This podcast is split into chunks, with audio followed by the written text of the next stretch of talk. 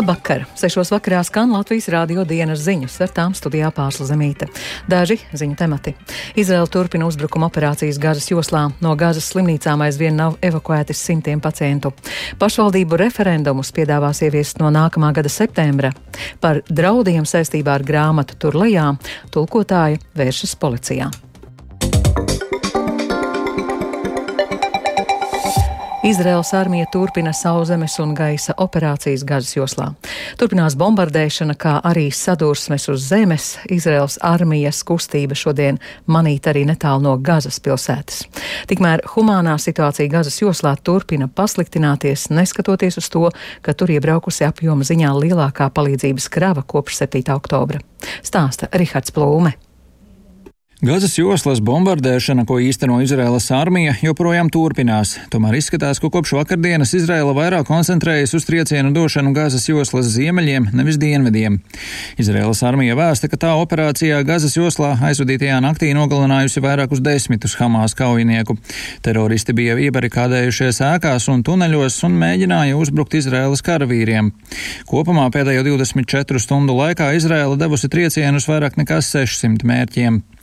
Izraēlas armija ir paplašinājusi operācijas Gazas joslā, iesaistot kainiekus un tankus, kurus piesadz aviācija, un iepriekš šodien atsliecinieki aģentūrai AFP ziņoja, ka Izraēlas tanki un cita armijas tehnika esot pietuvojusies Gazas pilsētas dienvidu pusē un nogriezusi svarīgu ceļu, kas savieno Gazas joslas ziemeļus un dienvidus. Tanks arī atklājas uguni uz transporta līdzekļiem. Tomēr vēlāk dienas laikā jau pienāca ziņas, ka ceļš vairs nav bloķēts. Saprotams, ka Izraēlas armija neatklāja tieši kur un tieši kāda tās tehnika ir iesaistīta kaujās, taču skaidrs, ka tās notiek. Izraēlas īstenoto uzlidojumu dēļ nogalināto skaits turpina pieaugt, taču nav precīzi skaidrs tā apmērs. Hamas kontrolētā Gazas joslas veselības ministrija vēsta, ka Izraēlas pretuzbrukumos nogalināti vairāk nekā 8000 cilvēku. Kaut arī pēdējo nedēļu laikā liels skaits iedzīvotāju devušies prom no Gazas joslas ziemeļiem, jo uz to vēl pirms dažām dienām atkārtoti aicināja Izrēla, tomēr desmiti tūkstoši cilvēku joprojām varētu atrasties Gazas joslas ziemeļos. Arī ANO šodien paziņojusi, ka simtiem pacientu ir iestrēguši slimnīcās Gazas joslas ziemeļos un fiziski nespēja pārvietoties uz dienvidiem. Rihards Plūme, Latvijas radio. Startautisku nosodījumu izpelnījušies antisemītiskie grautiņi Krievijas Ziemeļkaukāza Republikas Dagestānas galvaspilsētas Mahačkalas lidostā. Aptuveni tūkstots vīrieši iebruka lidostas terminālī, bet pēc tam nokļuva arī lidlaukā, lai mēģinātu atrast lidmašīnu, kas bija atlidojusi no Izrēlas. Vairāk nekā 20 cilvēki ievainoti, noskaidroti 150 aktīvākie nekārtību dalībnieki, no viņiem 60 ir aizturēti. Vietējās varas iestādes notikušajā vaino Krievijas ārējos ienaidniekus. Tikmēr Eiropas rabīnu konferences prezidents un bijušais Maskavas virsrabīns Pinhas Goldšmits uzskata, ka par antisemītiskajiem uzbrukumiem ir atbildīgs prezidents Vladimirs Putins.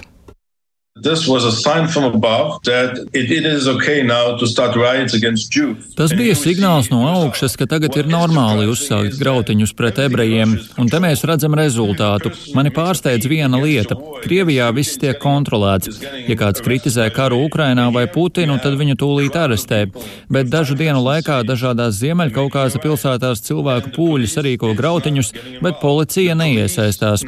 Policija ne tikai nenovērsa iebrukumu Mahačkalas lidostā, lidostā un Hasavjurtas viesnīcās, bet policija palīdzēja iebrucējiem. Ja runājam atklāti, tad man ir bāžas par ebrejiem Krievijā. Krievijas spēki intensīvi apšaudījuši Ukrainas Hersonu. Aizvadītajā diennaktī tai uzbrukuši vismaz 95 reizes. Postīni nodarīti dzīvojamām ēkām, baznīcas kapelai un trāpīts arī kādam maršruta autobusam. Nogalināti arī kāda sirmgalva un ievainoti vairāk cilvēki. Apšaudīti arī Zaporīža un Odessa. Krievijas bezpilota lidaparāti un raķetes notriektas virs Mikolājevas, Hersonas, Čerkasu, Žitomiras, Hmeļņickas un Dņipropetrovskas apgabala. Ukrainas armija turpina uzbrukuma operācijas Bahmutas un Melitopolas virzienā tā vēst Ukrainas armijas ģenerālštāps. Ukraiņi gūši panākumus uz austrumiem no Kļišķījevkas un uz austrumiem no Andrijevkas. Aizvadītās dienas laikā visā frontes līnijā notika 60 kaujas sadursmes. Ukrainas bruņoties spēki arī pagājušajā naktī okupētajā Krimā veiksmīgi trāpījuši eh, strateģiskam Krievijas armijas pretgaisa aizsardzības objektam. Sīkāku informāciju Ukraiņi nesniedz, un arī Krievija šos notikumus nav komentējusi. Krievijas vēstniecība Helsinkos uz nezināmu laiku ir pārtraukusi pieņemt iesniegumus par atteikšanos no Krievijas pilsonības. Tas esot saistīts ar izmaiņām Krievijas likumā par kārtību, kādā var iegūt un atteikties no Krievijas pilsonības.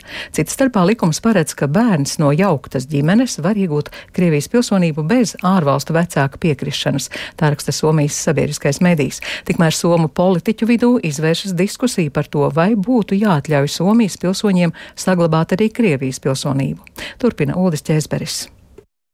Pēc Krievijas pilna apmēra iebrukuma Ukrainā pērn Somijas politiskajā vidē ir aktualizējusies ideja par iespēju aizliegt Somijas un Krievijas dubultpilsonību. Bijušais ārlietu ministrs un zaļās partijas prezidenta amata kandidāts Peka Hāvisto uzskata, ka šāda iespēja būtu jāapsver. Viņš norādīja, ka Krievija neatzīs dubultpilsonību un uzskata, ka dubultpilsonis ir tikai Krievijas pilsonis.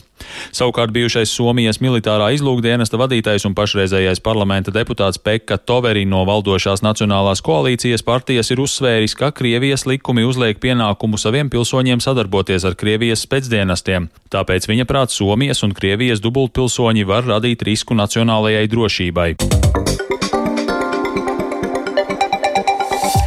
Vietējo pašvaldību referendumu ieviešana jau no 2024. gada 1. janvāra nav iespējama. Iekšlietu ministrija rosinājusi to atlikt līdz 2026. gadam, pret ko iebilst nevalstiskās organizācijas. Iegānsts prasīt pārcelt referendumu ieviešanu, jaunas elektroniskās sistēmas ieviešana un vienlaikus Eiropas parlamenta vēlēšanas jau nākamā gada vasarā. Tomēr apspriedēja saimā šodien panākts kompromisa priekšlikums pārcelt vietējo referendumu ieviešanu līdz nākamā gada septembrim. Par vietējo referendumu ieviešanas grūtībām stāstīja Jānis Kīncis. Pašvaldību referendumu likumu saima pieņēma pagājušajā gadā. Vietējas nozīmes referendumus varēs rosināt par konkrētas pašvaldības ilgspējīgas attīstības stratēģiju vai tās grozījumiem, par pašvaldības rosinājumiem celt publisku ēku vai tādu objektu, kam piemērojams tā ietekmes uz vidi novērtējums. Vietējo referendumu likums paredz arī iespēju rosināt domas atlaišanu, ja to prasa ne mazāk kā 30% no iepriekšējo vēlēšanu sarakstos iekļautajiem balsotājiem. Doma gan nevarēs atlaist gadu pēc tās sanākšanas un gadu pirms pirms tās pilnvaru beigām.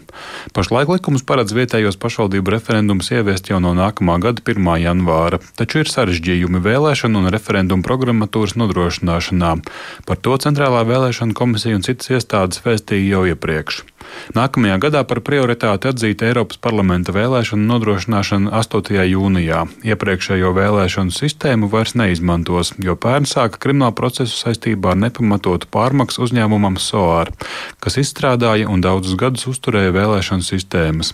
Jaunas programmatūras izstrāde ir iemesls šiem kavējumiem pašvaldību referendumu ieviešanā. Jauno elektronisko sistēmu nodrošinās pilsonības un migrācijas lietu pārvalde ar valsts reģionālās attīstības aģentūras atbalstu. Jauno sistēmu sistēmu nepieciešams rūpīgi pārbaudīt, lai vēlēšanās nebūtu pārsteigumu, piebilst pilsonības un migrācijas lietu pārvaldes priekšnieces vietnieks Uldis Apsītis. Vēlēšanas ir 8. jūnijas. Pati sistēma būs ātrā, bet uh, sistēmai būs nepieciešami veikt visus testus. Programmatūra tiek plānots, kad ir uh, gatava darbam no 1. jūnija. Deputāti ar vēlēšanu sagatavošanā iesaistīto iestāžu un nevalstisko organizāciju pārstāvjiem vairāk nekā divas stundas ilgušajā sarunā vienojās par kompromisu vietējo referendumu ieviešanā. Tos pārcels nevis par diviem gadiem, bet līdz nākamā gada rudenim, stāsta Saimnes valsts pārvaldes un pašvaldības komisijas vadītājs Oļegs Burovs. Protams, prioritāte ir Eiropas parlamenta vēlēšanām. Protams, jebkurai programmai ir primārais tas ir drošība, īpaši mūsu laikos jautājums par kiberdrošību. Līdz brīdim, kad referendumu noris būs nodrošināta elektroniski, iedzīvotāji tā ierosināšanai parakstus varēs vākt valsts pārvaldes pakalpojumu portālā Latvija LV, bet balsošanu referendumā klātienē organizēs attiecīgā pašvaldība. Balsošanai izmantos papīra zīmes. Šādus priekšlikumus saimnes komisijas sēdē vērtēs trešdien, 1. novembrī novembrī. Jānis Kincis, Latvijas radio. Situācija arī Latvijas ekonomikā pašlaik ir rudenīga, un pozitīvu ziņu nav. Tā Latvijas radio pauda bankas Luminora galvenais ekonomists Pēteris Strautiņš. Viņš sacīja, ka līdz ar krīzi būvniecībā pasaulē turpinās krīze eksportā, arī patēriņā pretēji cerībām un algu palielinājumam neredz pieaugumu. Līdz ar to turpina mazināties iekšzemes koprodukts. Eksporta izmaiņas ekonomists prognozē nākamā gada vidū. Izdevniecības Pētergailas izdotā grāmata Tur lejā, kas paredzēta bērnu seksuālajai audzināšanai, pievērsusi lielu sabiedrības uzmanību, diskutējot, kā grāmatā skaidroti vairāki ar seksualitāti un dzimumu saistīti aspekti. Drīz vien līdzās viedokļu paušanai sociālajos tīklos grāmatas tulkotāja Signe Viška sociālajos tīklos un privātās uh, ziņās saņēmusi draudus un naidpilnus komentārus, par kuriem vērsusies valsts policijā. Plašāk Agnijas Lazdiņas ierakstā.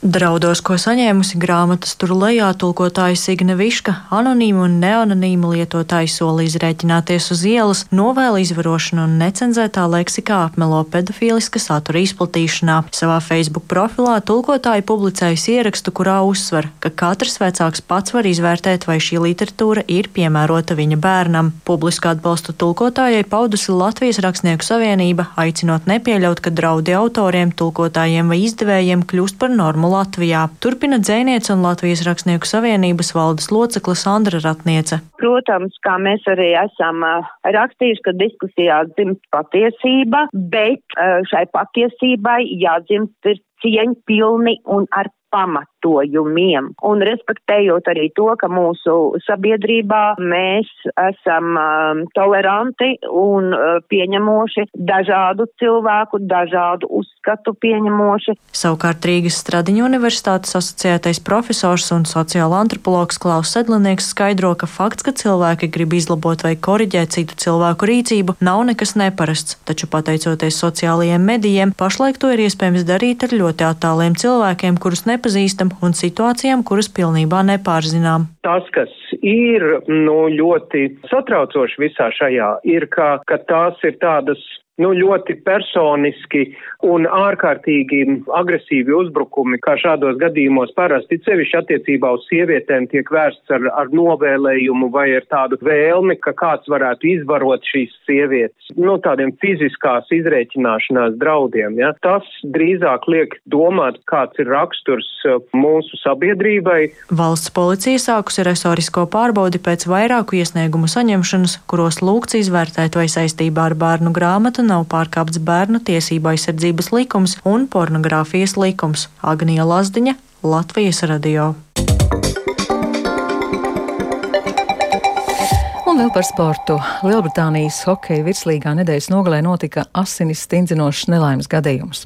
ASV hokeistām Edamam Džonsonam pretinieks kritienā ar slidu pārgriez kaklu, spēlētājs vēlāk nomira slimnīcā. Tas liek uzdot jautājumu, cik gatava dažādiem nelaimes gadījumiem vietējos sporta mačos ir veselības aprūpas sistēma.